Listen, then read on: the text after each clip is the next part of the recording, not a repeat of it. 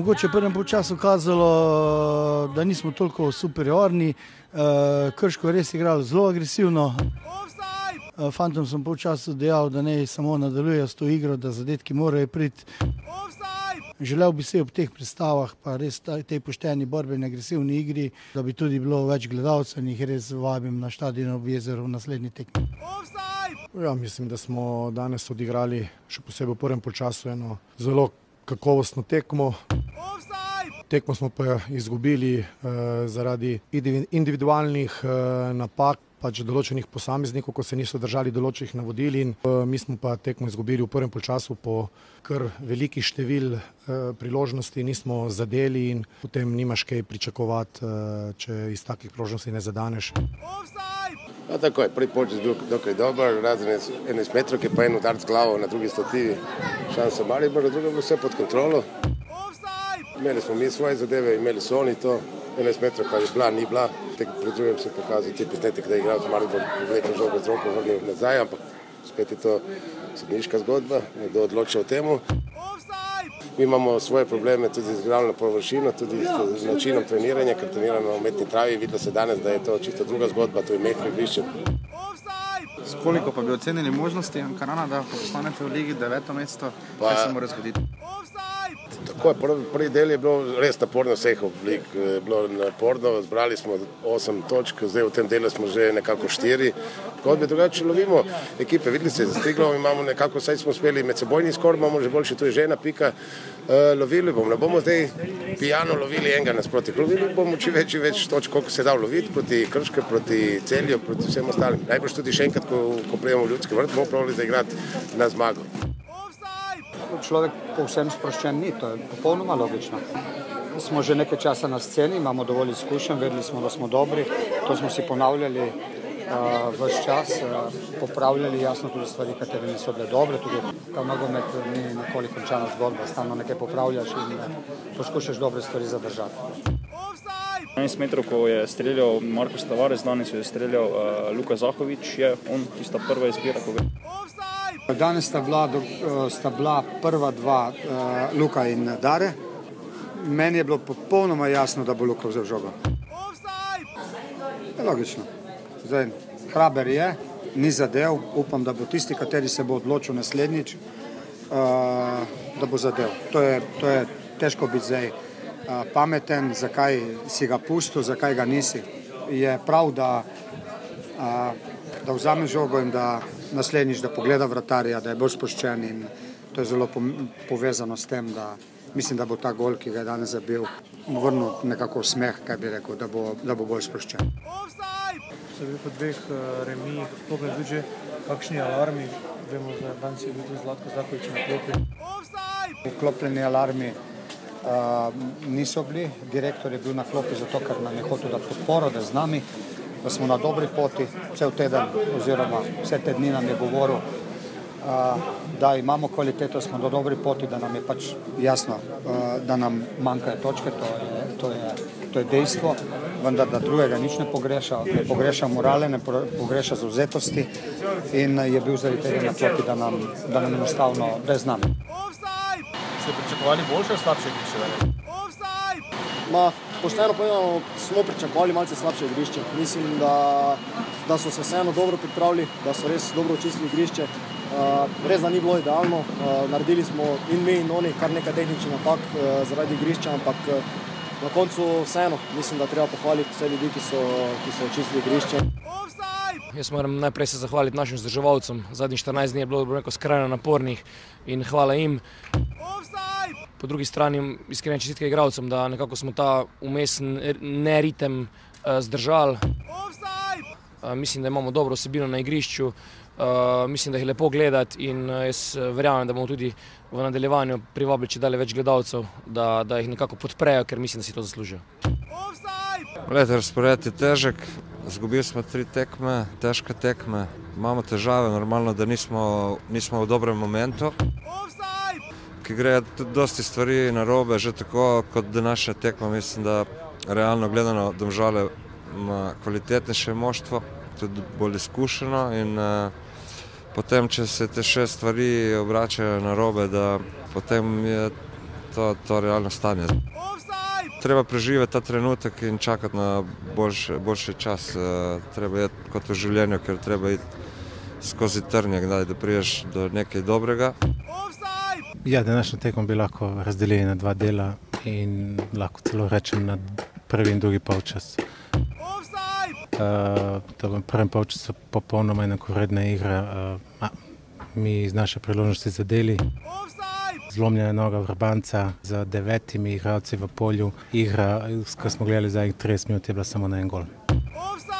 Ja, to smo si želeli pred tekmo, to smo tudi dosegli. Seveda je bila pot do tega uh, vse prej kot enostavna.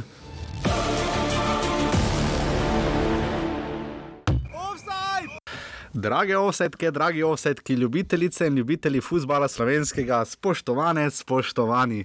Lepo pozdravljeni v 124. oddaji Offside, oddaji o futbalu slovenskem, prvi ligi in tokrat tudi že drugi slovenski nogometni ligi. Najprej, seveda, kot vedno, lep pozdrav mojemu cenjenemu soustvarjalcu oddaje, uh, Žiga, lep pozdrav. Zdravo, megle ni tako, da smo lahko posnela. Mi dva smo lahko posnela, megle ni. No, bomo videli, kaj bo v meglenih izjavah žige, to, žiga, žige kosa tokrat.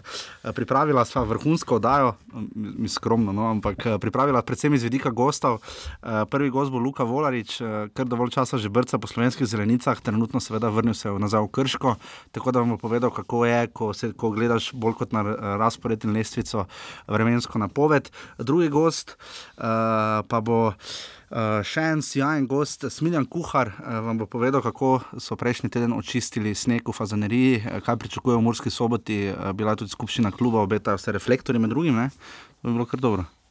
Ja, se, to, je, to je, po mojem mnenju, lahko biti pogoj za proligo. No, ja, res pa je, da bomo prišli tudi do tega na koncu med to pet. Uh, ta teden sledita, zdaj bomo obdelali dva kroga naenkrat, tudi prihodnji ponedeljek, upava, da oddaje ne bodo predolge, da boste zdržali. Uh, nogometa je ogromno, uh, ne toliko kričano, čaka sedem tekem, uh, recimo v aprilu, to bo res grozen ritem. Uh, med drugim pa seveda tudi vidimo, da so tekme precej zgodaj, ob štirih sta ta teden Marijo Bordom žale v torek in pa ob uh, enaki uri v sredo še Olimpija Rudar dve precej pomembni tekmi. Uh, videli pa smo žiga, če začneva samo, preden še povemo, da ne srečujemo zadeve. Videli smo, da se je lestvica malo razdelila. No? Uh, vsi spodnji klubi so izgubili, vsi zgornji klubi so zmagali ne? v, v 22. krogu. Ne? Pa se lestvica je tako ali tako že letošnja sezona, je sezona dveh hitrosti. No? Tukaj, Zanimivo, da se lestvica sploh ne ima. Posebej, potem pa si ostali, pa so sredina, potem pa še tisti zadnji tri, štiri klubi, ki pa životarijo na dnu. No. Zanimivo, da se lestvica praktično ne spremenja. Smo mladi, čeprav smo videli že tri pa pol kroge, no, recimo, toka, uh, Olimpija odigrala edino štiri tekme. Uh, ja, nič, uh, oddajo offside uh, najdete na Apple podcastih in iTunesih, tam dajte kakšno ceno. Uh, najbolj poslušate v torek in sredo, takrat res vidimo, da skočite zelo visoko. Uh, tako da res hvala vsem in vsakemu, uh, Gašperju, ki nas vsak mesec podpira, Marko, Luka, uh, Matej, Blaž, uh, Željko, Žiga, vsi tisti, ki ste nam v zadnjem času tako ali drugače pomagali. Res hvala, ostali lahko to storite tako, da greste na urbane.si pošiljka offside, uh, pridno pa seveda odgovarjava tudi na offside, afna urbani. Pika si in pa seveda žiga, ko si tisti, ki je uh, večinoma, kar debatiraš, malo ne, malo debatiraš na Twitterju. Ne tako sicer kot so uh, v nogometnem klubu Olimpije, nogometnem klubu Triglav, ponedeljski tekmi, malo so si slike sem pa tja pošiljali, to ti moram poslati komunikacijo. Uh, ampak ti se rad malo debatiraš, ne? Ja. Ja. Moram imeti samo pravega sogovornika. No. E, Hvala, ne vem. ne, pač, eh, ker nekateri posamezniki uh, jemljajo vse skupaj osebno. No. Uh, pa se ti tudi, se tudi jaz verjetno. Pa ja, ampak. Uh, ampak koncu, ti imaš pa res prav. Ne, ne ampak ne na koncu nogomet, vsak ima delno prav, resnica je. Verjetno nekje vmes. Nek mes in uh, važno je, da debatiramo. No. E, ja, tudi temu, da, smo, da imamo drugačne mnenje, važno je, da debatiramo o, tej, o tem našem nogometu, ker e, samo tako ohranjamo in spodbujamo naš nogomet in ga dvigujemo. No. Ker če ne bo doben se pogovarjal. Tako da žiga vam bo vsem odpisal. Ankaran, vsem odpisal. Ankaran bo sedmi. Ankara ne bo sedmi. uh, ja, torej, Ankaran uh, bo sedmi samo po številu zadetkov v dveh tekmah. To, je, to, to so te žigine statistike, uh, res. Uh, igra številke. To. Ja, igra številke, uh, lepo zdrav, Slavko Jariču. Ja, nič, dajmo se torej spustiti v drobove, še prej pa uh, danes je Gregorjevo in še en pomemben dan. Ne? Ja, uh, bo kar Jaša napovedal, ker se eno. naš si prvi, ga ti predstavljaš. Ja, naš prvi gost ima danes rojstni dan, tako da vse ja, najboljše. Pa, vse, vse najboljše, pa, vo, pa vodi uh, svojo spletno stran, dvojni pogledi. Dvojni pogled da... naprej še, še funkcionira, tudi ta teden gre poslušati Tomaž, ta tedne, uh, Tomaža Kavčiča, poslušati novega selektorja, ki ga seveda čakata dve tekmi z Avstrijo in uh, Belorusijo, ampak seveda govorimo o Janezu Brnici. Janez, je pa vabilo od nas tukaj dveh, da pred derbem, da se dobimo na pijači pa vse meni je tam, iz, ko sem šel na tekmo, zdaj se del tam, se mi nekdo dere, ven tam iz fontane na pol. Kakorkoli, uh, Janes, vse najboljše, uh, to je trivia of the day, ne vidiš, Matjaš, uh, gospod profesor Homer bi bil ponosen na to, da imamo tudi mi opta offside. Ne. Tako da nič, gremo zdaj v drobovje 22. kroga prve lige Telekom Slovenije, ne, tako da gremo zdaj direkt v fusbal. Eh, tako prva tekma 22. kroga šla bova nazaj, pri vsakem klubu se bova še ozrla v 21. krog, ki je bil seveda med tednom. Uh, uh, prva tekma je bila zgodaj popoldne v soboto, rodar Krško, 3 proti nič. Uh, sodeč po prvem času ne tako suverena zmaga, ampak potem v drugem času je pa rodar pokazal, uh, zakaj se je resno spravil na četrto mesto. In, uh, pa se Krško ni imelo nekih resnih priložnosti na tekmo. Tam je na začetku, proti koncu prvega časa so imeli nekatere priložnosti, ampak dajva, uh, predemo pa seveda pri Krškem dala besedo Luki Volariču, uh, da vas morda ustaviti pri rodarju. Um, Morali bi imeti čest točk no, po dveh tekmah, zdaj v slovenskem delu, ker v ljudskem vrtu so bili kar konkretno kradeni. No. To je res, tam so jim res vzeli. Tam ne vem, kako je šlo lahko tisti stranski video, offside. No. Ja, Manuel Vidal, mislim, da je bil sodnik uh, stranski uh, iz, iz Gračišča. Je imel da... kar države celo tekmo z offsideom, no tudi potem, ko ja. se je v drugem polčasu, ko je Maribor napadal na tisto stran. So bile kar težave na njegovi strani, ampak Rudar je pokazal v obeh tekmah, da visoko mesto po jesenskem delu ni neko naključeno. Ja, da kljub temu spremenjeni postavi, da nadaljujejo dobre igre. No? Za njih so to bili prvi dve tekmi, odpadle so jim tekme z Domžalami, Ankaranom uh, in, in Ankaranom, uh, tako da uh, so zdaj. Pokazali več, no? mislim, pokazali so, zakaj so legitimno na četrtem mestu. Pokazali so v, od štirih polčasov, dveh polčasih nekaj pokazali. No, prvi polčas v ljudskem vrtu je bil dokaj slab z njihove strani, res uh mhm. -huh. bolj ranen, gan je bila tista tekma. Uh mhm. -huh. Žiga, dali so pet, drugi polčas. No, dali so pet golov na dveh tekmah, čeprav so izgubili prvega streljca, Johna Merija. Ja, tukaj je Tučič eh, dobro nadomestil no, uh -huh. uh, to vrzel, kljub temu, da deluje malo nerodno v napadu. Malo, ja. uh, se znajde. No, in, Cela ekipa, se zdi ta Pušnikov sistem tokrat malo bazira na celotnem ekipnem sistemu. Imajo pa res mlada ekipa. Bilo je pet različnih no. streljcev pri petih golih na dveh tekmah, imajo pa zelo mlada ekipa. To si povedal, ta Partif Williams se je pokazal zdaj proti Krškem že precej boljše, tudi na prvi tekmi je nakazal nekatere stvari. Če pa je imel kar težave z disciplino v igri v ljudskem. To pa definitivno. No. Smo pa videli Šehiča in njegov talent, to je nesporno. Uh, in tu se zdi, da Pušaver je dobro začel. Tudi Pušaver, mislim, jaz sem ga zelo izbral za igralca tekme v Ljudskem vrtu, ko je Rudar sveda igral dve proti dve, ko je Dominik Radič, uh, da je imel dve asistenci, uh, Dominik Radič.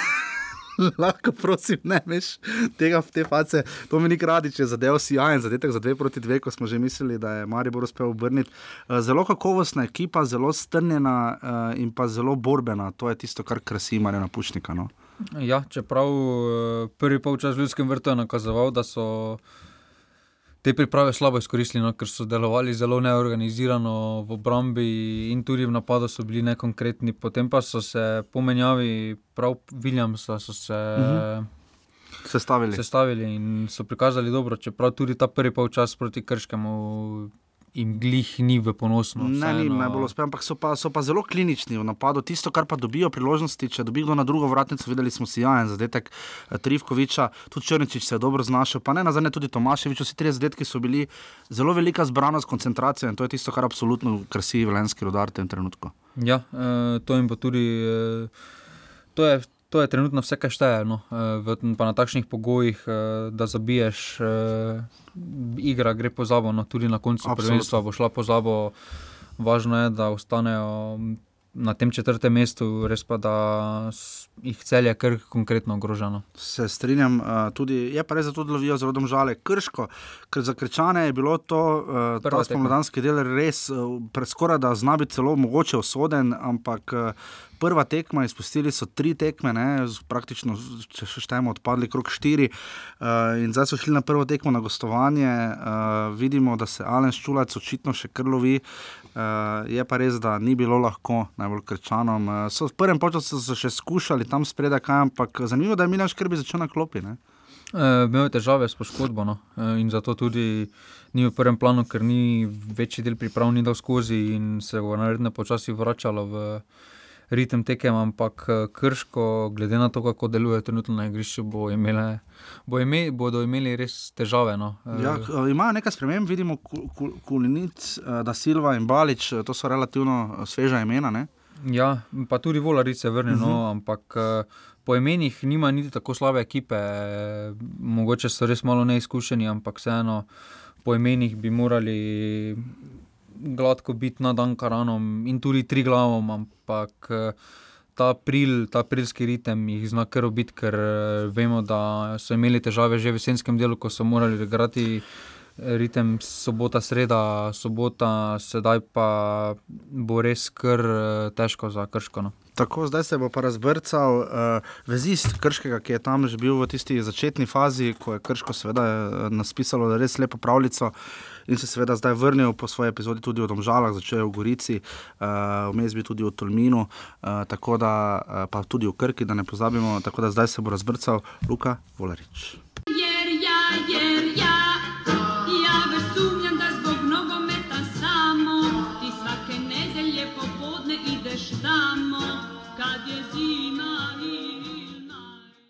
Tako v čas veselja in ponos nam je, da gostimo uh, nogometaša Krškega, ki je pa seveda pustil tudi pečat med drugim uh, v Gorici in Domžalah in igral se da tudi za Tolmin. Gostimo Luka Volariča. Luka, lepo pozdravljeni, dober dan. Pozdravljeni. Uh, Luka, uh, kako je bilo končno uh, igrati pravo tekmo, potem ko se je za vas pa zadnje začel spomladanski del v letošnjem delu Prve lige Telekom Slovenije? Ja, res je. Končno, končno smo tudi mi odigrali tekmo. Uh, težko je bilo čakati, odpovedali so nam tri kola. Uh -huh. uh, glave niso bile, komaj kom, kom smo čakali, res na to tekmo. Tako da ni, ni šlo, rezultatsko se nam ni šlo, uh mhm. -huh. mogoče bi to potrebovalo, kaj je bila prva tekma. Uh mhm. -huh. Upam, da bo že v torek boljše proti Ankaranu. Kaj, kaj, kaj ste počeli v tem času, koliko ste gledali vremensko napoved, kaj, lahko, kaj ste potem storili glede samih treningov, pa tudi glede tekem, potem več ni, ni lahko dobiti novih tekmecev, preprosto moraš samo čakati. Kaj ste počeli v tem času, kaj se lahko naredi v taki situaciji, kakšna je izkušnja? Ja, tu uh, v Krškem so se dokaj potrudili, da, da smo imeli dobre razmere za trenirati. Uh mhm. -huh. Šli smo v Čatež, tam gremo na igrišče. Uh mhm. -huh. Dok se je dalo, smo tam trenirali, potem smo malo improvizirali, malo fitness, malo telovadnice. Uh mhm. -huh. da, kar se tiče tega, smo dobro pripravljeni.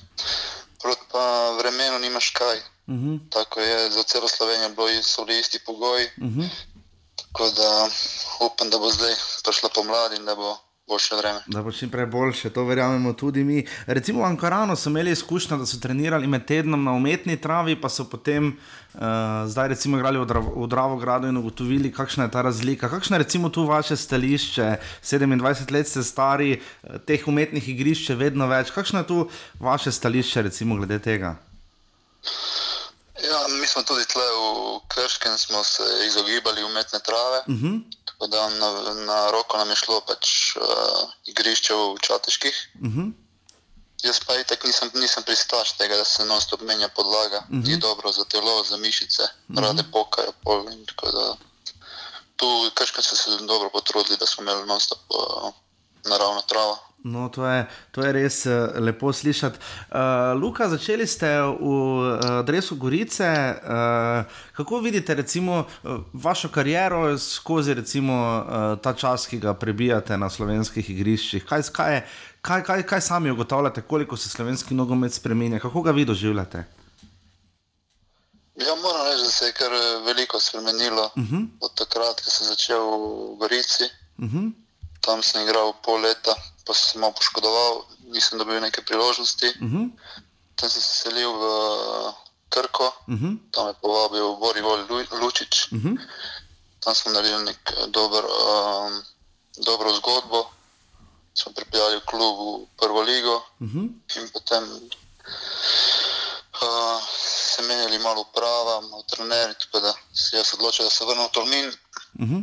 Tam sem igral dobro sezono, me povabil Tomaš Petrovič v Krško. Uh -huh. Tako da tukaj sem se spet dvignil na raven, Uh -huh. odigral dobro sezono, se vrnil in potem šel v Domžale. Uh -huh. Tako da za, pravim, tudi v Domžalah vse je lepo urejeno, Uh -huh. pogoji v redu. tako da.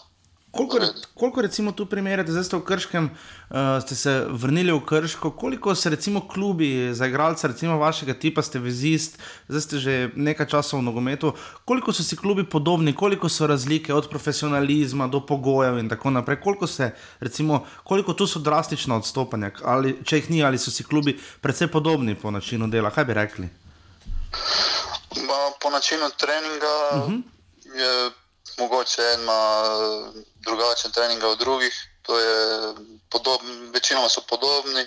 Uh -huh. Kar se pa tiče organizacije, je pa domžale res na visokem nivoju. Uh -huh. Tako da je pa res, da Krško je veliko let igralo v drugi ligi. Uh -huh. Prva liga je le preskok, tako da vse počasi se popravljajo. Tudi takrat, ko sem imel leto pa pol nazaj, Uh -huh. sedaj je prav drugačno, ko je bilo, se dvigujejo, se posnemajo druge klube in se dvigajo na višji nivo. Ravno lani ste imeli tisto tekmo, krško domžale, pokal, ko ste zabili eh, dva zadetka. Eh, Kako je ta občutek, ne, ko daš gol klubu, proti kateremu si igral?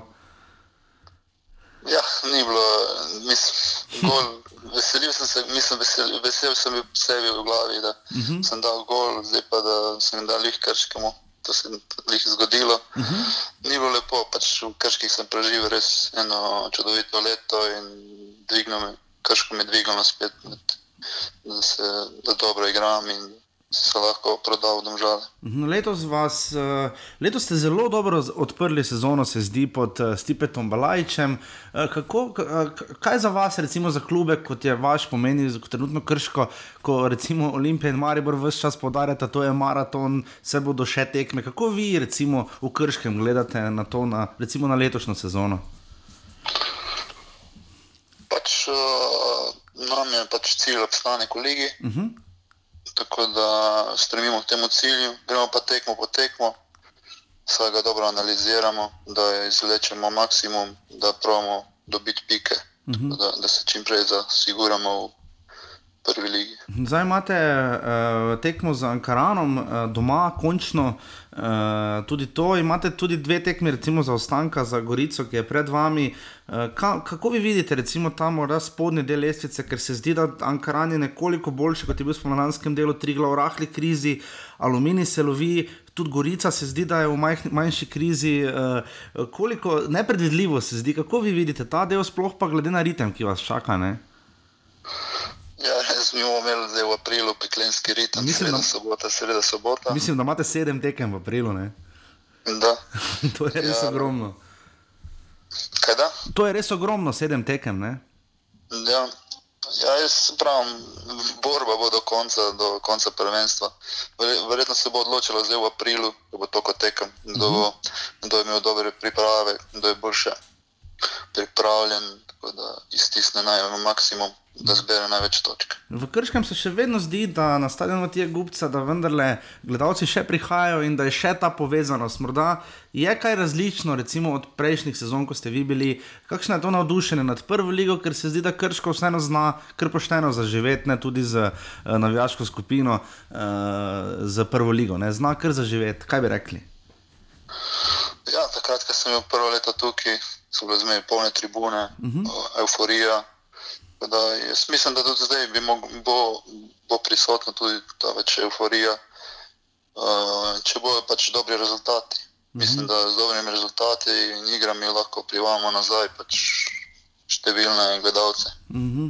včeraj, uh, kaj ste ugotovili v Velenju, vendarle, uh, uh, koliko je bilo razbrati po tekmi. Uh, Tudi Alna Šulca in izjav, ki smo jih lahko videli, da vendarle rezultat ne pove vsega, čeprav je bilo na koncu 3 proti nič. Kaj ste, kaj ste, nauči, kaj ste, kaj ste o, o lastnem moštvu ugotovili na prvi tekmi?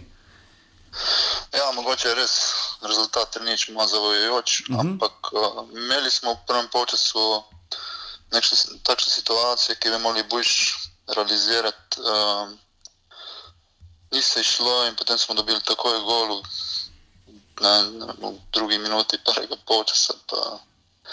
Moče nas je to malo presekalo, moglo se odpreti, hoteli smo tudi mi, kako piko izleči iz življenja. Uh mhm. -huh. Zato je prišel gol še iz kota.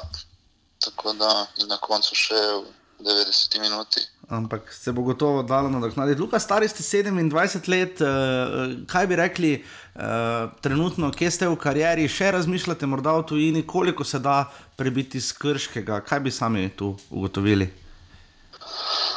Ma, jaz sem pač prvo, zdaj sem bolj, mislim, bolj slabo, sem igral v Domžalah, nisem mm -hmm. dobil neke priložnosti. Jaz sem si pa zadal, da odigram pol leta, da dobim spet te tekme v nogah. Mm -hmm. Potem pa ja, če se, kaka, če se zgodi kakšna šansa, mm -hmm. bi pa z veseljem sprejel in proval v tujini, da vidim, kako tu tam teka vse skupaj. No, upamo, seveda tudi mi. Eh, Luka, najlepša hvala, da ste bili naš gost in uh, res upamo, da bo vreme uh, čim bolj uh, na vaši strani v Krškem in pa da bo april čim bolj znosen. ok, hvala tudi vam za intervju. Hvala, adijo. Lažje, čau. Jer ja, jer ja, ja sumnjam da zbog nogometa samo ti svake nedelje popodne ideš tamo kad je zima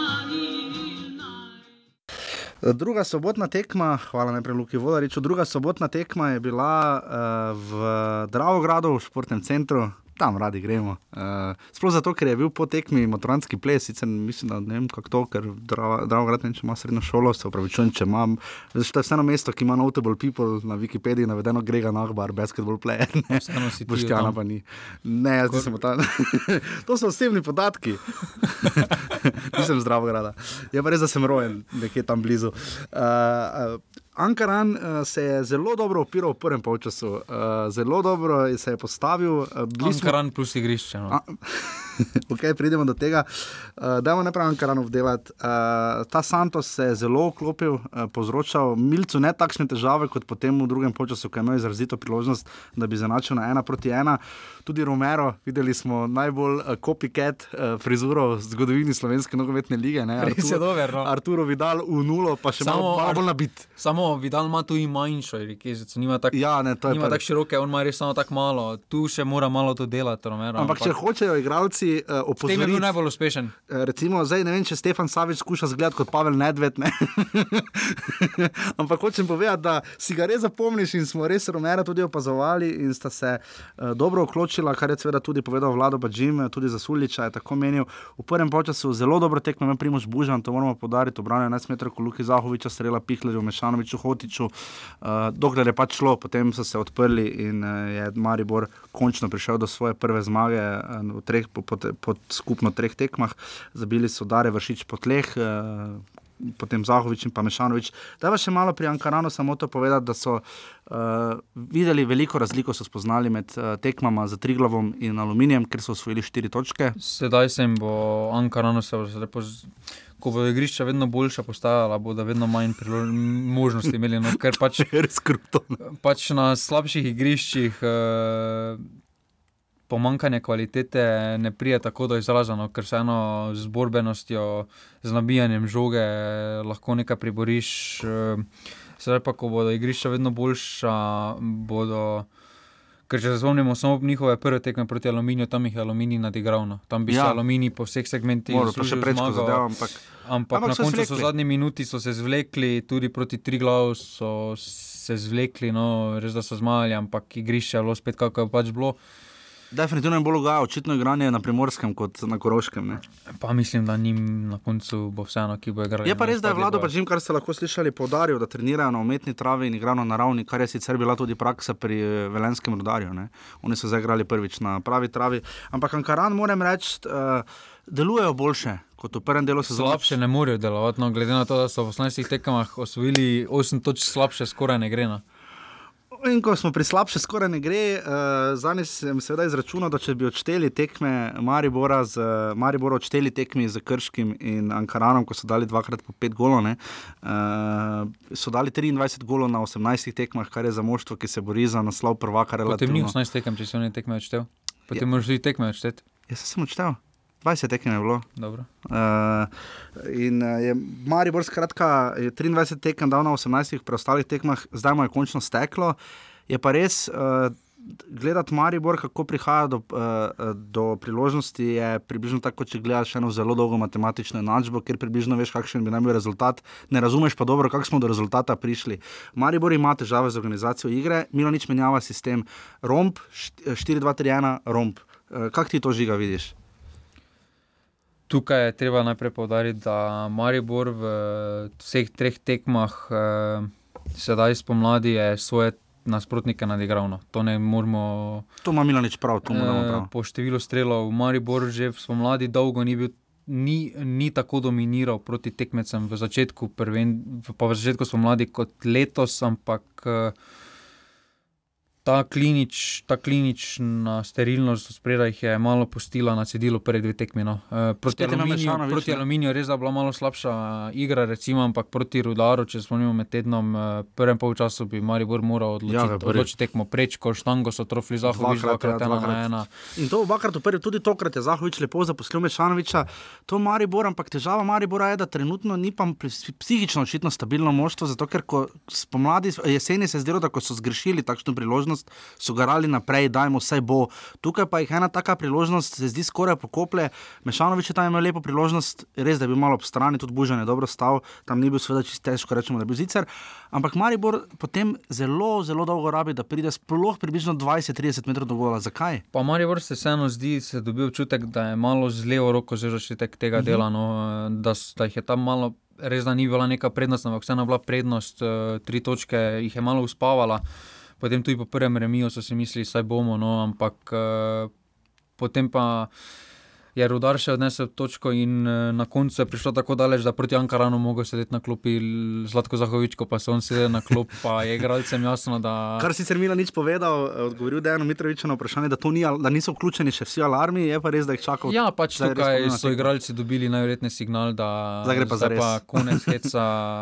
Prvenstvo prihaja v zaključke. Eh, prihajajo samo še pomembnejše tekme in uh, na takšnih tekmah, kot, so, kot jih je Maribor izpustil priložnosti, sedaj uh, morajo odnesti točke, no, če hočejo biti na koncu v maju, ker uh, vsi v klubu hočejo biti, ampak uh, Maribor na koncu, če, če prištejemo tisto za ostalo tekmo, če pišemo recimo tri točke, res da je težko, no? no, ampak uh, recimo hipotetično, če prištejemo še vedno na nekaj bližje zaostanka. No, torej, je blizu, je ampak že alarmi še niso, ampak eh, Maribor, če dve tekmi ne zmaga v ligi, je prišel do tega statusa, da je kr kriza no, označena že. Žiga, zanimiva se mi je zdela izjava Darka Milaniča, zdaj to že nekaj časa podarja, ne, ko je naletelo vprašanje na Aleksandra Kreca. Zdaj Maribor nima hudih težav v obrambi, uh, vidi se, da Rajčevič.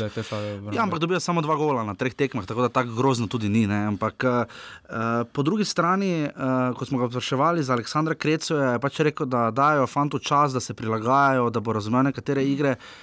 Nič hudega, samo težava je, da marsikateri drugi igralec pa tega privilegija nima. Koliko bo ta inat. Uh, Verjetno tudi Zlatka Zahoviča, ker ga je pač pripeljal, oziroma bolj rečeno, speljal v Olimpiji, uh, da mora Krecu igrati. Se ne da je on sam kaj kriv, ampak se v to moštvo ne vklopi, oziroma tiste stabilnega faktorja, ki ga je Maribor imel z Kapho, eh, z Šulerjem, z nekaterimi temi potezami, ključnimi igralci, vrhovcem, tudi na zadnje.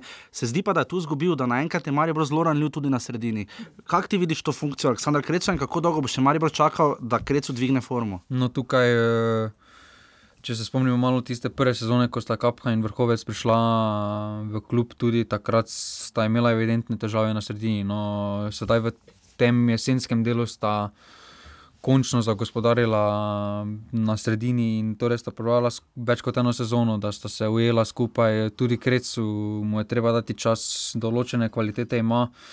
Trenutno pa je tudi na tej poziciji tako, da Marijo v bistvu druge nima, razen Derviševiča, ki pa ga v klubu najverjetneje noče aktivirati zaradi znanih razlogov. Eh, javnosti. No, ampak Krecu ima kvalitete, ampak vseeno trenutno pokazal premalo za tujca. Če bi imel najverjetneje, če bi bil vrhovec zdrav, eh, bi najverjetneje tudi vrhovec dobil priložnost. Eh, Uradno je poškodovan, vlaž vrhovec. Tudi ne? na Instagramu je dal, da je Aha. na terapijah. No. Okay. Mogoče je Photoshop, ampak ne, ni dvomim. No. uh, ne, ker sicer veš, ja, no. kaj sem razmišljal, ko sta malo eh, za mano sedela na tekmi Aleš Mertel, pa Blaž Vrhovec, ne, dva bivša reprezentanta, ne na zadnje. Ne. Je, je to razkošje, ki si ga Maribor v tem trenutku lahko privošči? Pa za Mer Mertlju so povedali že v januarju, da na njega se več ne računa, res da. Ampak glede na to, nikoli ne more biti slaba. Ja, glede na doprinos, kaj je Mertel dal Mariboru se takšen odnos najbolj ne spodobi. Ampak dobro, no, to je profesionalizem. Če se lahko boljše, da so, da, da smo povedali, da se na njega ne računa, kot pa da bi se nekaj pretvarjali in podobno. Tukaj pa vrhovca čaka. No, večja težava v sredini je Pihler, no, ki, s, ki ne vem, sploh, zakaj je izbral nogomet. In še, in še to, včasih smo se to spraševali tudi za Luka Zahoviča, zgrešil je še tretjo zaporedno 11 metrov, ko uh, odločil se je za žogo. Milaniču se je zdelo to precej logično, nam se je tudi zdelo logično, da mu bo Bužan penal brano. Uh, če, bi tako silo, če, bi tako sil, če, bi tako, če bi tako silovito le udaril po žogi, kot je udaril potem po, po štangi, ne, ko ni dal gola. Uh, ti vidiš njegovo vlogo še morda? Njegovo, tu se vidi po reakciji celotne ekipe, ko je zabil zadetek. Ne spomnim se, kdaj so se vsi ostali igralci tako veselili zadetka eh, nekoga drugega, ker res je bilo opazno vsem olajšanje. 15. aprila lani je zabil na zadnji ja, zadetek pač, v Velenju. Eh, on je pač napadalec, eh, to ima po očetu, da je malo ego, ampak. Eh, če se spomnimo Kristjana Ronaldo, pa ne, zdaj, ne vlečem ja, kvalitetnih, ja, ampak eh, po egoističnem je enako.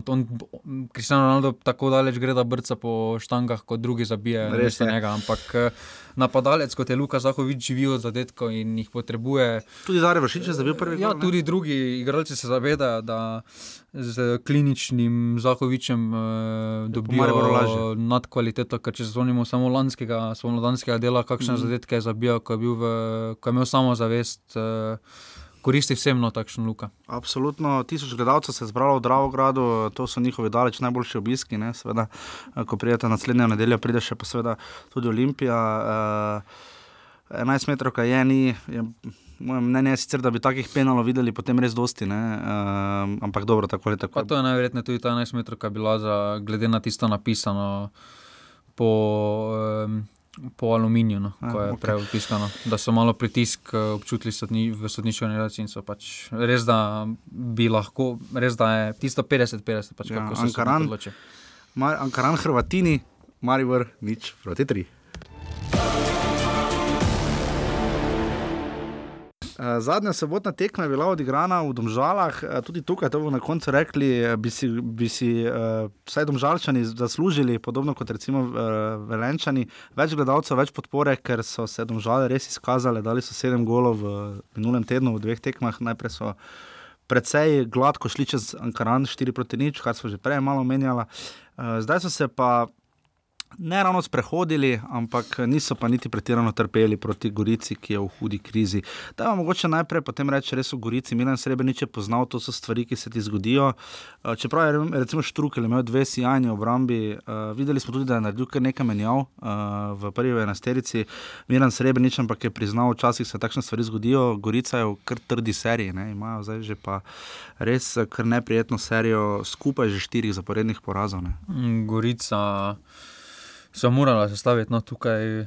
Ampak kako? Bodo morali nekako, nek, nekdo se bo moral najti, ki bo nadomestil uh, kreativnost kapiča. No. Ja, to se že ponavlja, Ni, nič se ne zgodi, ne, ker pravijo ja, nekaj posebnega. Uh, doben ne prevzame dobene odgovornosti, zaradi tega tudi takšne izjave srebrniča.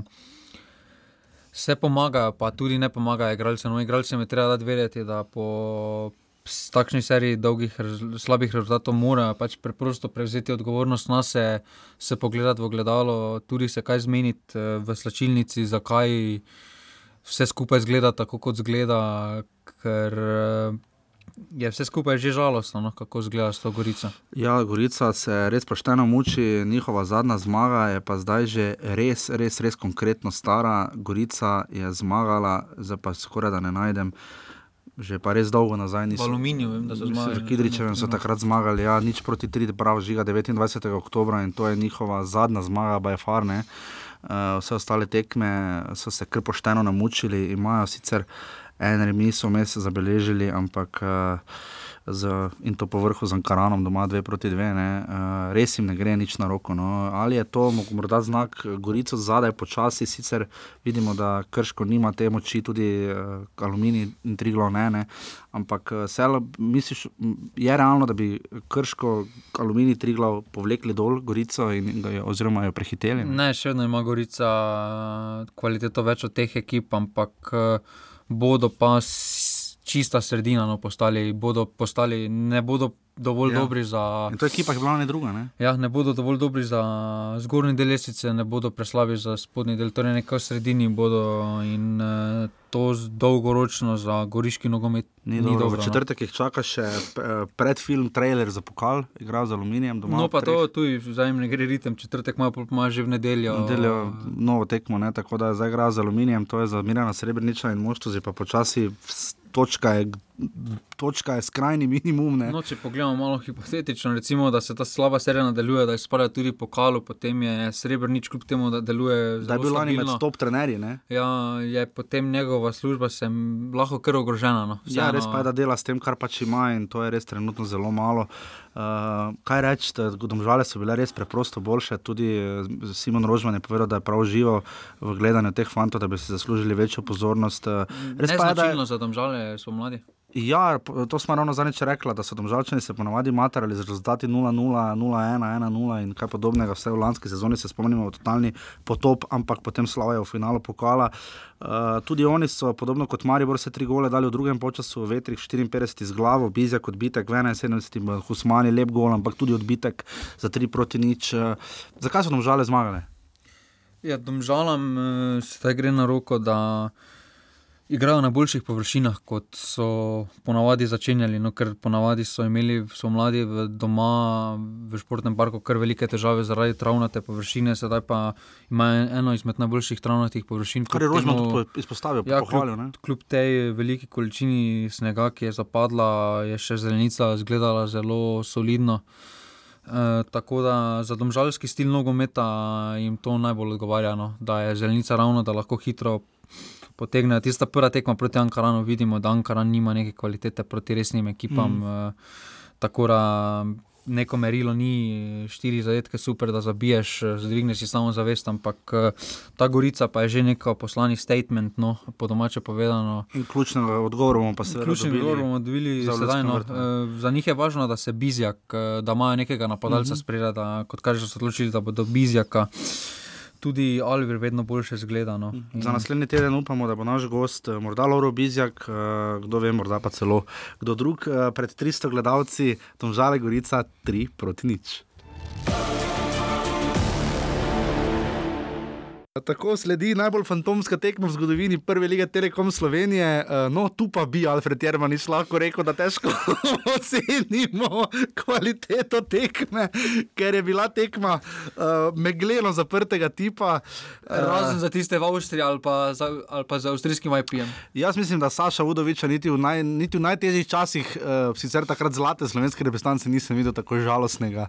Uh, tekma, tekme žal ni bilo moč videti na kanalu A, tri glavne olimpije, seveda o tej tekmi govorimo. Tisoč gledalcev se je zbralo v Kranju, uh, ampak na Laoli, potem je pa stream kar precej delo, oziroma se je megla tudi malo razkadila v drugem. Počasno highlights so bili na voljo, jaz sem mislil, da ne bodo. Ja, se ni bilo tako hudo. Ni bilo pač na kameri, verjetno leče svoje naredijo in uh, se pač potem že. Ampak vseeno dalo bi se, no, dalo bi se prenašati. Uh, so prenašali tudi že tek, tekme v megli, v Olimpiji, recimo, mislim, da je bil en derbi tudi v megli. Dokaj, ja, zelo, uh, pa tudi tudi včasih uh, kakšne bakle, pa tako. Ja, ti so se razkadi v petih minutah, tu nismo mogli vedeti, ampak je bila pa zelo pomembna tekma, moje mnenje je vseeno prav, da je bila odigrana.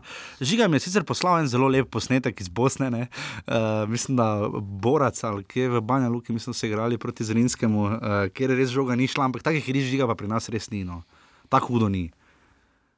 Tako hudo še ni. No, no tako hudo. Ampak, uh... ampak viš, tam igrajo, imajo ligo.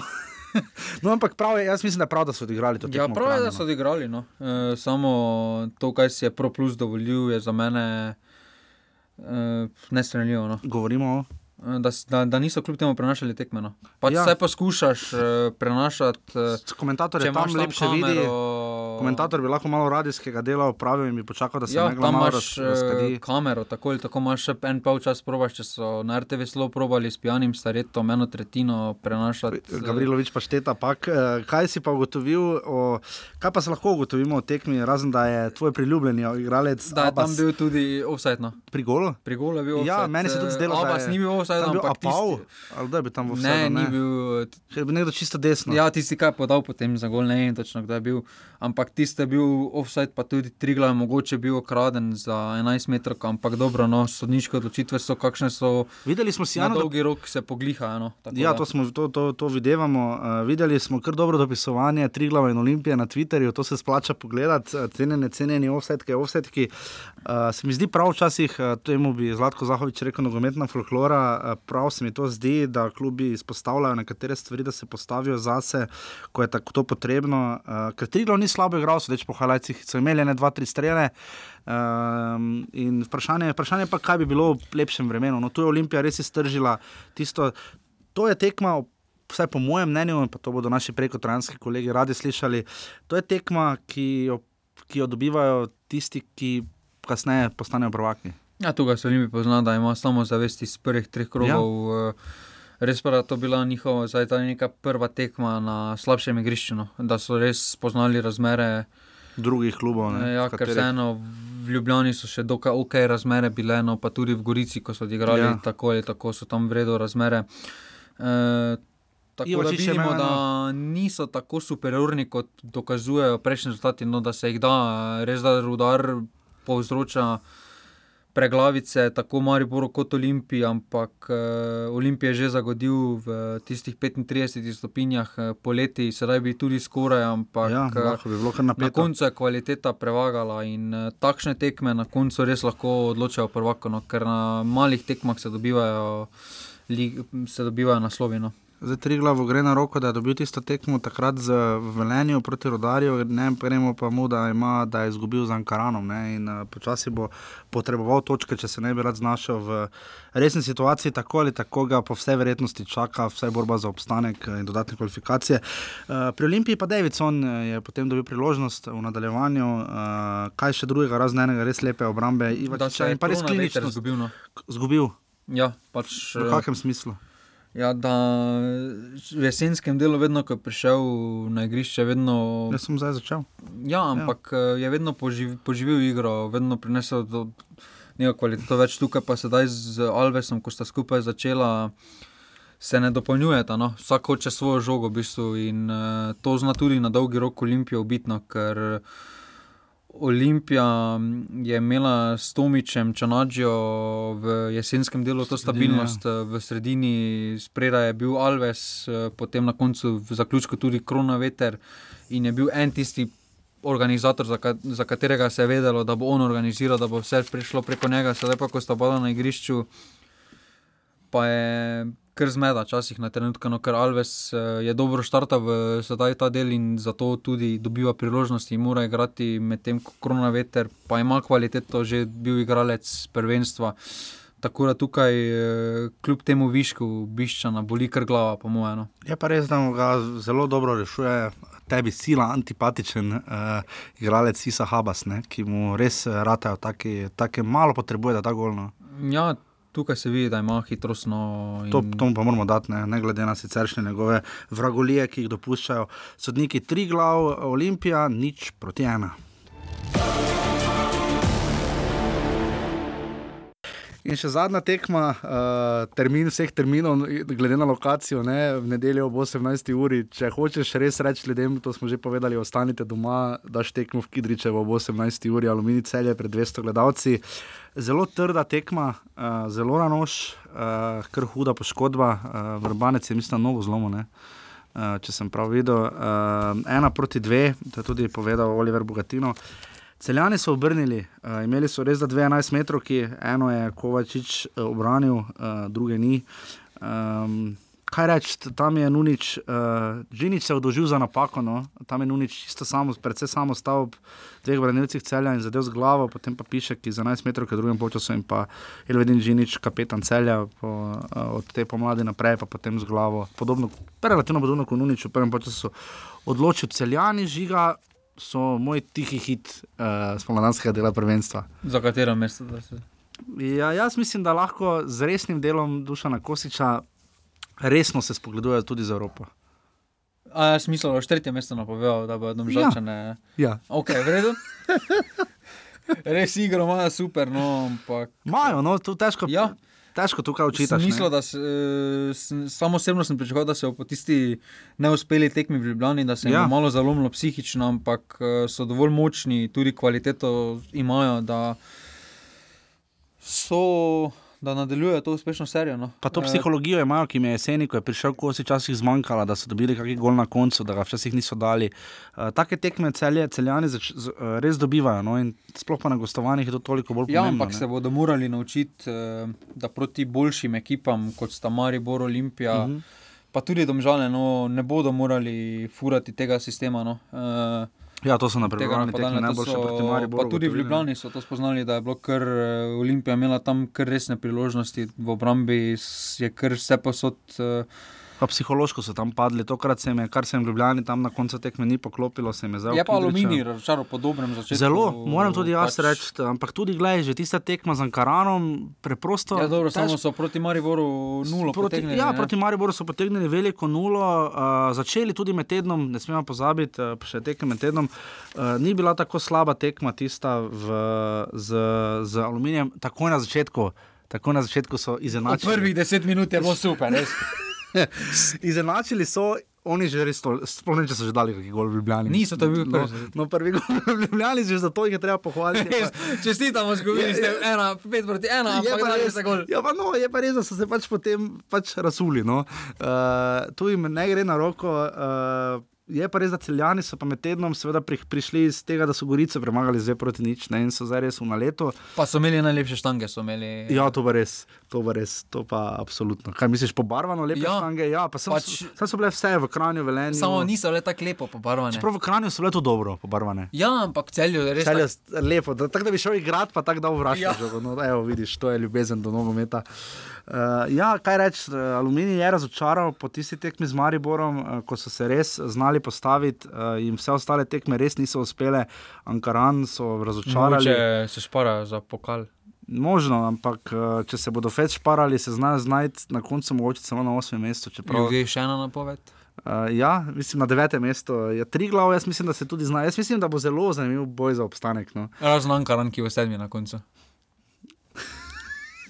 sem kdo po deseti. Uh, ja, pa to se deluje malo naprej, to je jinxanje, to je, to je, to je da imaš nek patiku. dobro, dobro, torej, če hočem Ankaran res, da hoče iti drugo ligo, moram reči, da bojo sedmi. Ne. Ankaran v sedmi. Ne, nočem tega, ampak samo pravim, da se te ekipe spode trenutno. Zato sem rekel, da se je lesnica razdelila. Namreč v tem koncu tedna so Olimpija, Marijo, Žale in Rudar ter celje zmagali. So na prvem, drugem, tretjem, četrtem in petem mestu. Zgornji del lesnice je premagal spodnjega in to precej suvereno. Uh, tako da tukaj rečem, upam, da se bo Alumini dvignil, očitno Oliver Bogatinova čaka precej dela, čeprav smo ocenjevali, da so pa priprave bile dobre. Ja, priprave je imel Alumini dobro, no? dobro ampak. Uh so kar v krizi. No. Se strinjam, absolutno. In bodo morali najti, čeprav imajo srečo, da krško je enako slabo, no, trenutno. Lesvico sem vam povedal, se tudi strinjam. Uh, poglejmo zdaj ta, uh, te tekme, jaz sem pa še potem hitro prebral za konec tedna, ki mi se slišimo naslednjič, seveda v ponedeljek, uh, čez teden dni. Uh, prva tekma je že jutri ob 16. uri, na koncu bomo rekli, kako neumna ura je to.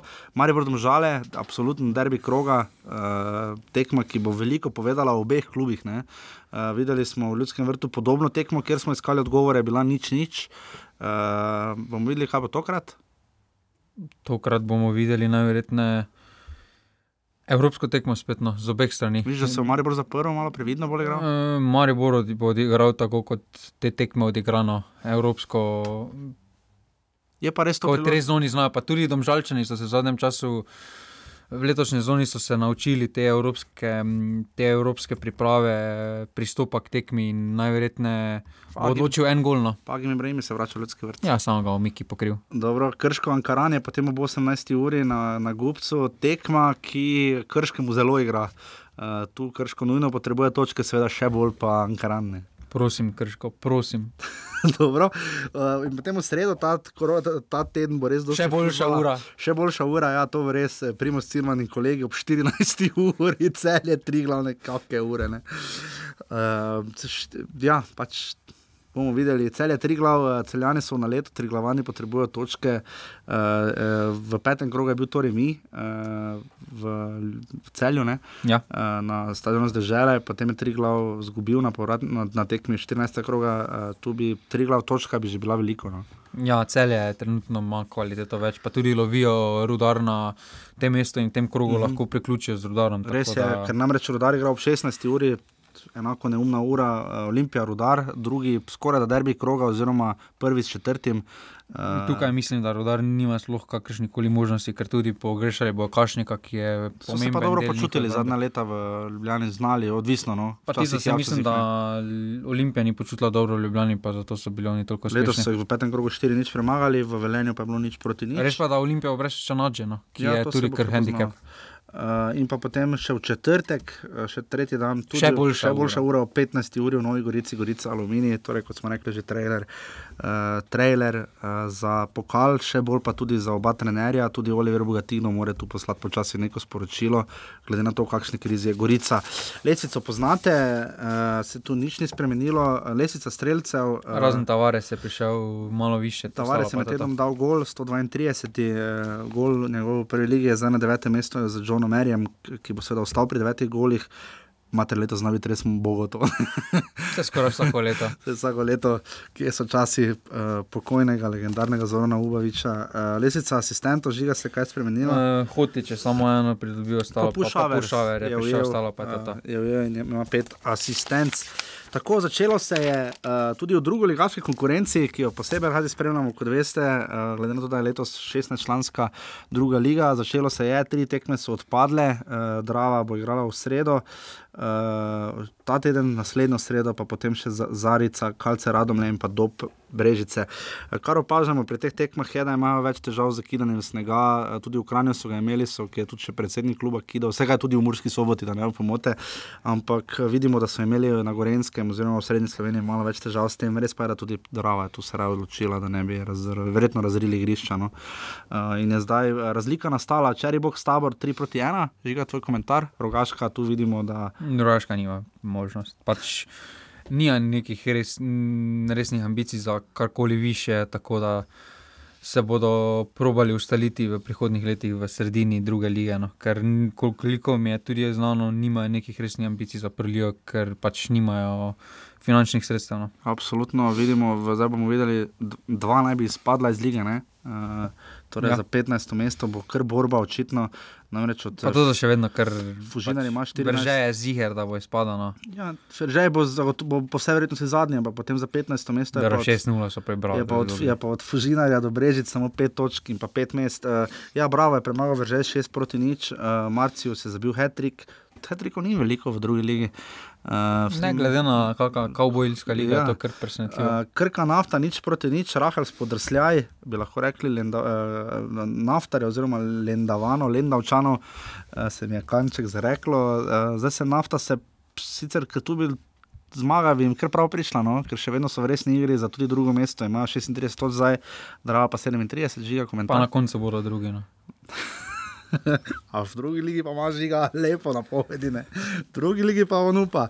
Mura Ilirija, dve proti nič, dva sjajna proti napada, več o tem, eh, seveda, kasneje. Um, uh, in pa seveda tekma, kjer smo videli en najbolj nori golos, videl, uh, Jadran Dekani Brda. Uh, je, smo videli goli iz 60 metrov. Ne, nisem. Ja, pogled, poglejte, na zase dejansko to tekmo prenaša, ena tekma druge lige, kot veste. Ni bilo megla. Ne, ne, bila na primorskem tekma. Uh, tako da se splača videti goli iz 60 metrov. Mislim, da je bolj bil veter tisti, ki je ponesel žogo v, v gol. Uh, mislim, da je to bil Babič, gol nisem pa pripričan. Uh, Tako da to je to lesvica, torej Mura ima za 10 točk prednosti pred Dravo, res je že vrlo. Tekmo več, uh, več o tem, uh, zakaj ali ne, ima žiga prav, vam bo pa seveda zdaj povedal Smiljan, uh, kuhar iz. Um, V bistvu novinar in pa navijač uh, Mure, ki se res uh, um, dobro so se potrudili. No, meni je ta akcija zelo všeč, kaj bi ti rekel. No. Ja, eh, pač m, vemo, da je to okolje zelo povezano z nogometnim klubom eh, in takšne akcije samo združujejo eh, to skupnost no, in navezanost okolja na klub. Tako da spod... pohvalno. No. Tako da brca bo smiljan kuhar.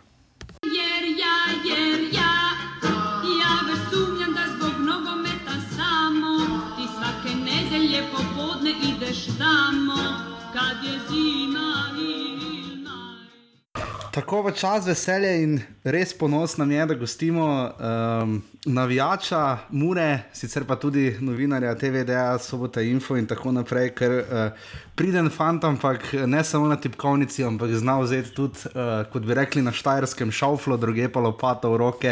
Z nami je Smiljan Kuhar, ki je prejšnji torek bil med 40-terico, približno tistih, ki so pomagali očistiti fazanerijo, da je mura, kot smo videli, lahko premagala Ilirijo z dve proti nič. Smiljan, lepo pozdrav, servus. Ja, lepo zdrav tukaj iz Murske sobote. Smiljan, uh, povej, uh, kako, kako se vas je nabralo teh 40? Videli smo, recimo, da v drugih delih Slovenije so tekme tudi odpadale, tako v prvi kot v drugi ligi, uh, ker ponekod niso našli, ponekod ni bilo takšnega odziva kot v Murski soboti. Koliko to kaže, kako ste se sploh odločili, fanti, da ste pomagali in spucali fazanerijo sredi tedna v torek? Ne? Ja, v bistvu zadeva je bila takšna, da, je, da smo se že pred dnevi, uh, par nas uh, navijačev in tudi tistih starejših, ki si, ki si praktično gledajo vsak trening, mure pogovarjali, da bi bilo verjetno zelo pametno očistiti to igrišče, ker so bili takrat fanti še na pripravah v Turčiji. Uh mhm. -huh. No, potem v, v torek je prišla inicijativa strani pač kluba uh, na svoji spletni strani, na Facebook strani so objavili da bo potekalo očiščenje igrišča in seveda eh, potem je objava šla naprej tudi tukaj v lokalne medije. Za, za odziv se ni bilo bati, bilo je samo vprašanje številke. Tako da, ko je ura udarila 16, eh, se pravi 4 popoldne, nas je bilo na Fazeneriji vsaj 35-40, eh, kasneje se je še pridružilo nekaj ostalih. Tako da, Tako da uh, za čiščenje ni bilo nobenega, nobenega problema, pomagali so tudi ljudje iz kluba, res ena sinergija uh, navijačev kluba, uh, skratka vseh, ki jim je mura pri srcu. Ja, to tam te Šimun že je prijel za lopato, ampak ravno to, ne, ravno to, da ste tako uh, se lotili tega dela, vam daje pa recimo temu pravico ali pa vsaj pravo glasanja oziroma možnost, da se oglasite, seveda tudi uh, pri drugih zadevah, to, ta povezanost med navijači, med gringosi in nasploh uh, ljudmi v Murski soboti, navdušenci nogometa, imate potem, uh, bom tako vprašal, uh, vas, vas kaj skrbi, da se ne bi te stare zgodbe, ki jih, se jih tudi mi bojimo, zdaj ko Muri tako dobro kaže, da se bo spet uvrstilo v prvo ligo, ne? imate potem, ko enkrat šauflaš igrišče, imaš res možnost kritike, kako to vidiš?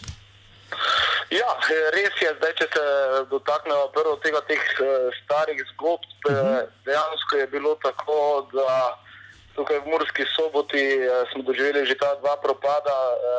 Takrat, vsaj koliko sem jaz bil tam zraven kot navijač, kot, tudi kot novinar, se je zdelo, da je situacija vseeno tam bila nekoliko drugačna, ker tisto so bili neki fantomski vlagatelji pa v bistvu nisi, nis, nis, nis, niti, niti ni bilo točno jasno, kdo so, kaj so, za koga gre. Uh, v tem primeru sedaj so pač kljub prevzeli tudi uh, pretežno domači ljudje, ki se jih pozna iz pač nogometnih krogov, pač niže ligašov, kjer so že pomagali, ampak so veliki taki nogometni entuzijasti. In, Je, je pa res, da določena skeptika, uh, sploh pri navijačih, uh, obstaja, predvsem zaradi tega, kar se je zgodilo v preteklosti, mm -hmm. ampak uh, nekako, nekako tudi klub uh, sedaj pošilja neke druge, neke bolj, uh, ne bom rekel, resne signale, ampak uh, bolj take varne, da, da, da je zadeva dejansko takšna, kot mora biti. Uh, ne na zadnje tudi. Uh,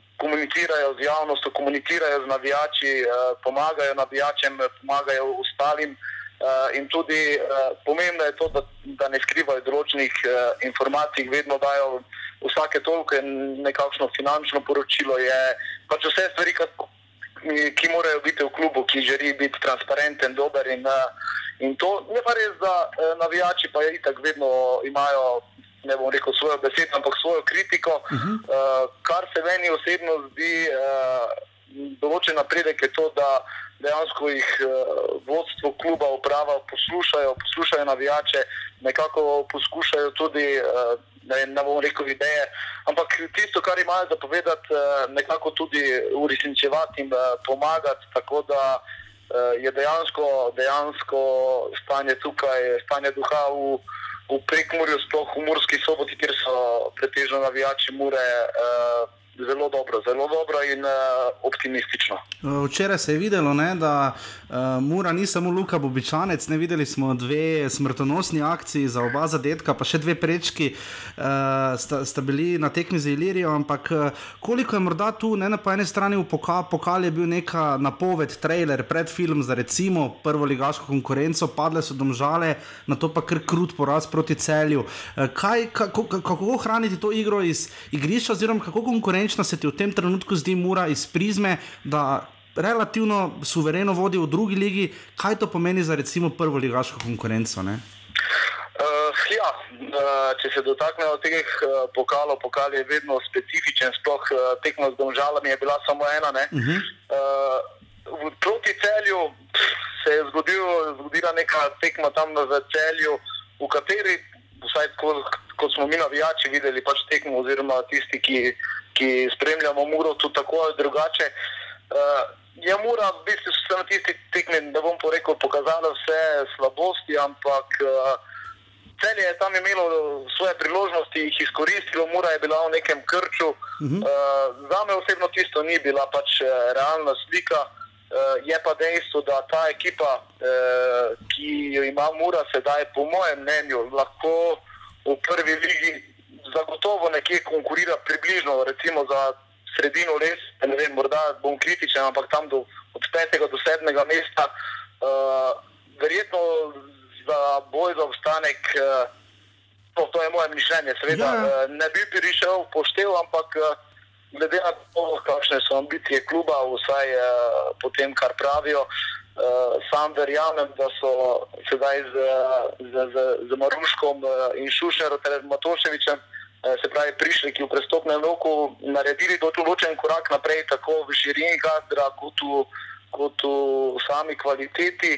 Eh, seveda se bodo vsi trije še mogli dokazati, ampak ne na zadnje Šušnja, da je igral prvo ligo, Maruško je, uh mhm. -huh. Maruško je že preverjen igralec, ki je v mhm. Muri -huh. ravno pod vodstvom Anteja Šimunče dejansko eksplodiral v tistem času, takrat tako tudi prislužil pač v poklic tisto mladinsko reprezentanco. Uh, Za Matoševiča vemo, da je bil velika perspektiva v Italiji, v zadnjem letu je pač uh, priživel pri Domžalah, kjer se ni toliko naigral, ampak vse to uh, je v bistvu gre za mladega nogometaša, vratarja, ki tako kot Čušnjera, ki, ki sta stara, ki imajo malo, malo čez 20 let, imate še veliko potencijala in prostora za, za, za samo napredek.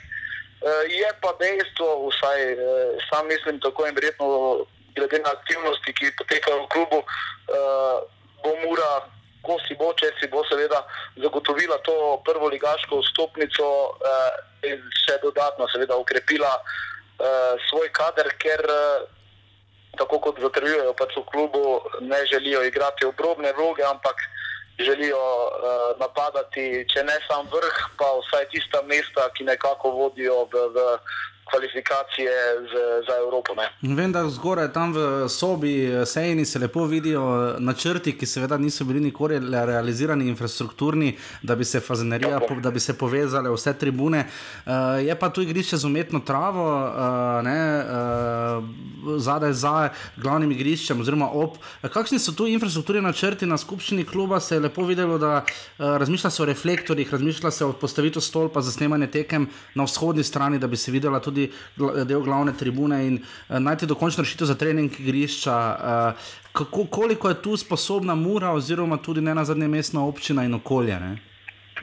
Ja, glede na, glede na zadnje indice, je stvari so take, da pač reflektori so sedaj bolj kot manj uh, realnost, ker uh, če to omeniva, je v proračunu pač občine tokrat postavka sprejeta, toliko in toliko denarja bo namenjeno za reflektorje. Uh mhm. -huh. predvidoma, predvidoma tam junija naj bi se izbiral izvajalec in če bo vse po sreči. Uh, če bo vse po sreči, se bo prvo ligaški, seveda tudi to do tega še mora priti. Eh, nogometno tukaj v Murski soboti že tam predvidoma avgusta lahko igral pod, eh, če malo drugače poveva, umetnim soncem. Uh -huh. uh, tako kot si dejal, uh, plani so dejansko uh, precejšnji, poleg reflektorja seveda tudi uh, stop za snemanje tekem uh mhm. -huh. in uh, planu je seveda tudi pomik igrišča, če to poveva, uh, se pravi, igrišče na Fazaneriji se bo pomaknilo proti glavni tribuni, saj bi se s tem uh, pridobil tudi prostor za, za, za, za, za gradnjo v prihodnosti, recimo tiste uh, tribune, ki je sedaj stojišče in seveda povezava dela med severno in glavno tribuno. Uh, načrti so bili v, v preteklosti, niso bili realizirani, kolikor je meni znano, ampak seveda. To so eh, govorice, oziroma naj bi potekalo nekaj v tej smeri, tudi v klubu o tem razmišljajo, da bi pa v nekem roku, se pravi vem, v naslednjih eh, nekaj letih, tudi dejansko povezali uh, ta severni in glavni del uh, in fazanerijo dejansko tudi naredili uh, takšno, da bi se na njej uh, lahko igrale bodi si kvalifikacijske evropske tekme, bodi si kasneje, kar ti v klubu seveda tudi želijo, da bi tudi Mura nekoč zaigrala v sklepnem delu, bodi si enega izmed dveh evropskih tekmovanj. Seveda vemo, da podobno imate sedaj v Mariboru, kjer morate reševati te zadeve z infrastrukturo, podobno je tu, je potrebno potem tistih 8000 sedežev, pa vse ostale proceduralne stvari, ki so zraven. Uh, je pa tako, eh, na Sozeneriji se zdaj seveda ja, menjava se ta umetna trava, ki je malce tukaj zagodla v Murski soboti in so igralci mogli vsakodnevno med pripravami skoraj da eh, migrirati tukaj v avstrijski štraden. Uh mhm. -huh. Je načrtovana tudi izgradnja uh, pomožnih dodatnih igrišč, ki bi še toliko bolj uh, olajšali delo tako članski selekciji kot uh, sami nogometni šoli, tako da uh, Mislim, da se vsaj kolikor eh, sam to vidim, se zadeve v Murski soboti ne le na igrišču, ampak tudi ob igrišču, tako v organizacijskem in drugem smislu, pač pomikajo naprej, eh, vedno, vedno, eh, vedno se gre nekako eno stopničko više, vendar vse nekako previdno, korak po korak, ne, ne, ne tako, da bi se daj preskakovali stvari, ampak raje počasneje, pa naj bo sigurno. In uh, verjamem, da se bodo ti visoko potezni načrti če bo seveda zadeva šla tako naprej, kot uh, kaže sedaj. Eh, v, v prihodnosti tudi uh, uresničili. Smiljani, že za konec to pove, zakaj se Ante Šimunča tako dobro znajde v Murski soboti? Pa ne vem, morda, morda je to, po mojem mnenju, je to mogoče celo podobnost nekih dveh okolij. Vemo, Maribor in Murska sobota uh, živita, dihata za svoja nogometna kluba, živita za nogomet. Uh, Uh, mogoče je Ante prišel v eno okolje, ki je pač uh, podobno specifično kot v Mariboru, uh, kjer vsi živijo za klub. Uh -huh. uh, in uh, verjetno dobro, je res, da je seveda, razlika v populaciji, v uspešnosti, pa vendarle nek, neko, neko razmišljanje pa je vseeno dokaj podobno, v, vsaj po mojem mnenju, v, v Mariboru in Murski soboti. Navijači so ga sprejeli, plus tega, tukaj navijači vedo ceniti dobre igre. Eh, vedo ceniti eh, strokovnjaka, tudi če je, ker vemo, da rivalstvo med Mariborom in Muro obstaja, ampak je to povsem postranska stvar. Eh, nekako je uspel, uspel je v Murski soboti s to svojo angažiranostjo, s tem svojim, kako bi rekel, dobrim delom prepričati bodi si skeptike, bodi si ostale, da so ga, da so ga vzeli za, za svojega, ker dejstvo je, čeprav je bil že dvakrat tu, ne vem, če ga niso sedaj tretjič, tretjič sprejeli še, še z večjim navdušenjem, ker ne na zadnje, obakrat, ko je bil v Murski soboti, prvič je pustil dober pečat, je bila Mura tretja, drugič je Muro takrat na igrišču varoval in spadal, ampak vemo, kaj se je kasneje pač mm -hmm. dogajalo. Pa mislim, da tudi Ante se za to dobro tukaj počuti, ker uh, je vesel, da je prišel v neko nogometno okolje, ker dejansko okolje diha s klubom, kjer ni, kjer ni tisto, da pač prideš v klub in odigraš tisto tekmo pred 200-300 gledalci in nobenega potekmi, grobo povedano, ne zanima več rezultat, gredo uh, vsak po svoje, tu je pa dejansko tako, da, da, da, da ravnica, da mora, da navijači dihajo s klubom, z igravci, praktično vsak dan potekajo debate, takšne in drugačne, na treningih so prisotni tisti starejši navijači.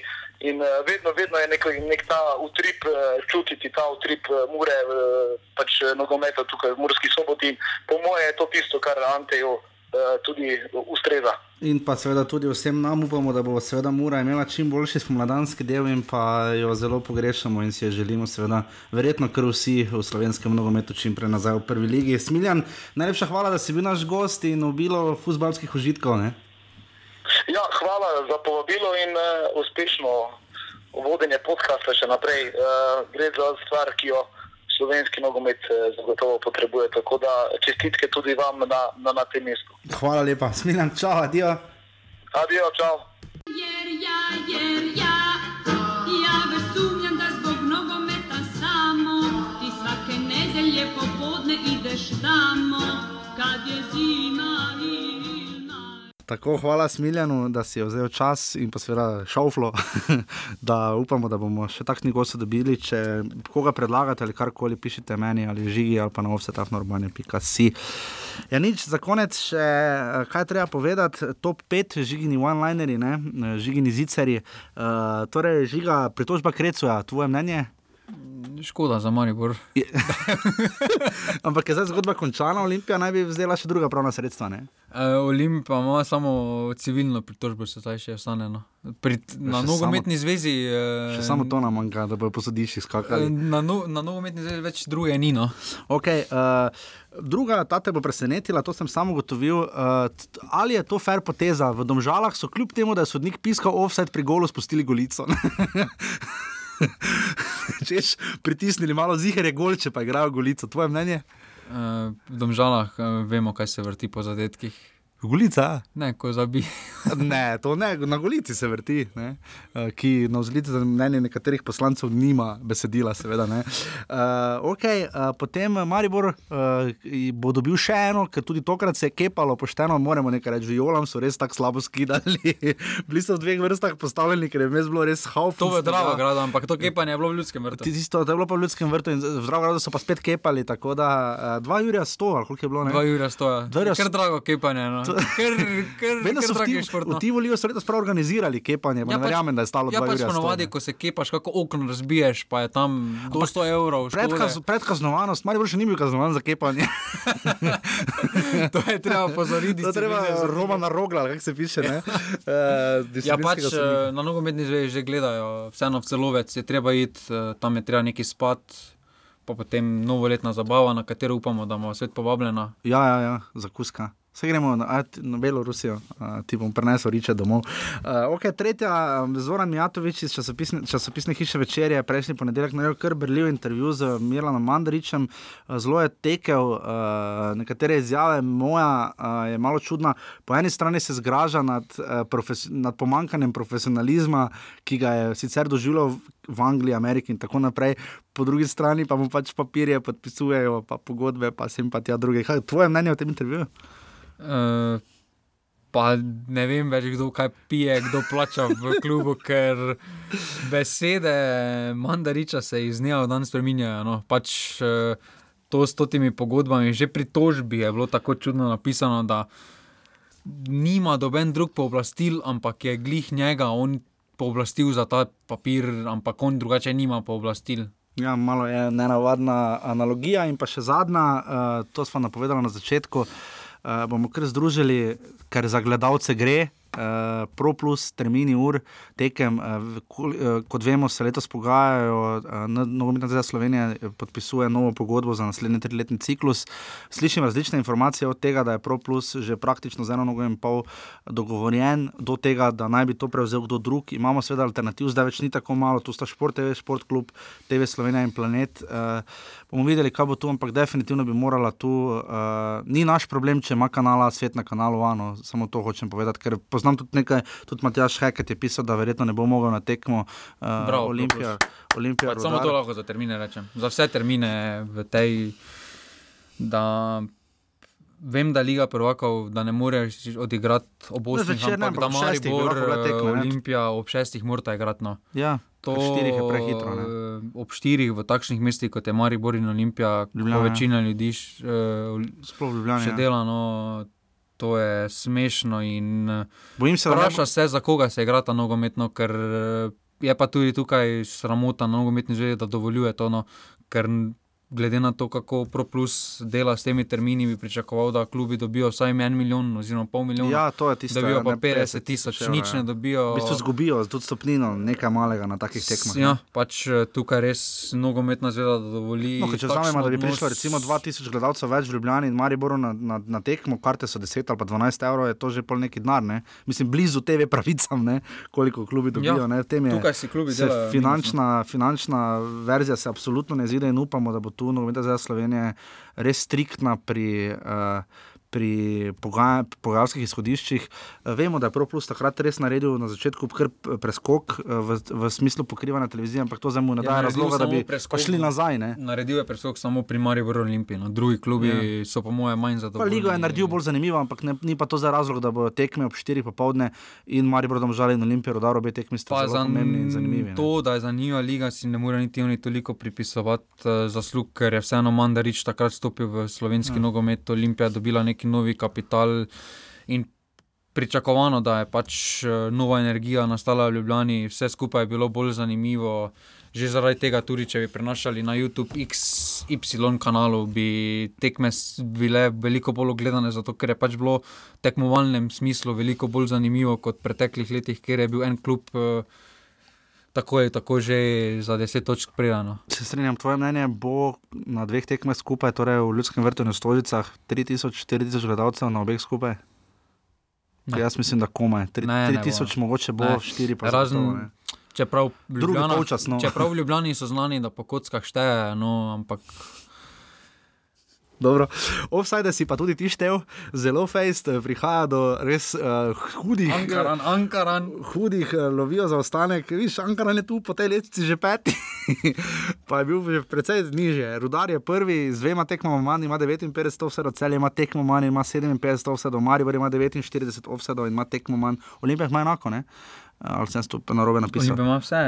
49 ima tekma, ampak mislim, da ima enako število vse, kot Maribor. Ankaran tekma manj 48 vse, domžale dve tekmi manj 46 vse, potem je pa hud preskok, Triglo dve tekmi manj 34 vse, Gorica ena tekma manj 33 vse, Olimpija ena tekma manj 29 vse in pa Krško tri tekme manj 19 vse. Um, lansko bero 105 vse, bo kar težko doseči, se mi zdi, no. glede na to, da smo že v 22. krogu. Ne. Uh, ja, razen če Ankara nadaljuje s to. No, absolutno. Uh, nič, to je bil 114. offset. Uh, hvala Luki Vodariču in uh, Nadja Hopman iz nogometnega kluba Krško, hvala Smilenu Kuharju, da je bil naš gost, uh, hvala vsem, ki nas podpirate na urbani.si pošiljnica offset. Uh, in uh, hvala tebi, Žiga. Ne? Hvala, hvala uh, vsem. Ja, če se znajdete v offsetu. Si v megli. Absolutno. Se slišimo naslednji ponedeljek. Hvala. Čau. Hvala, Dija.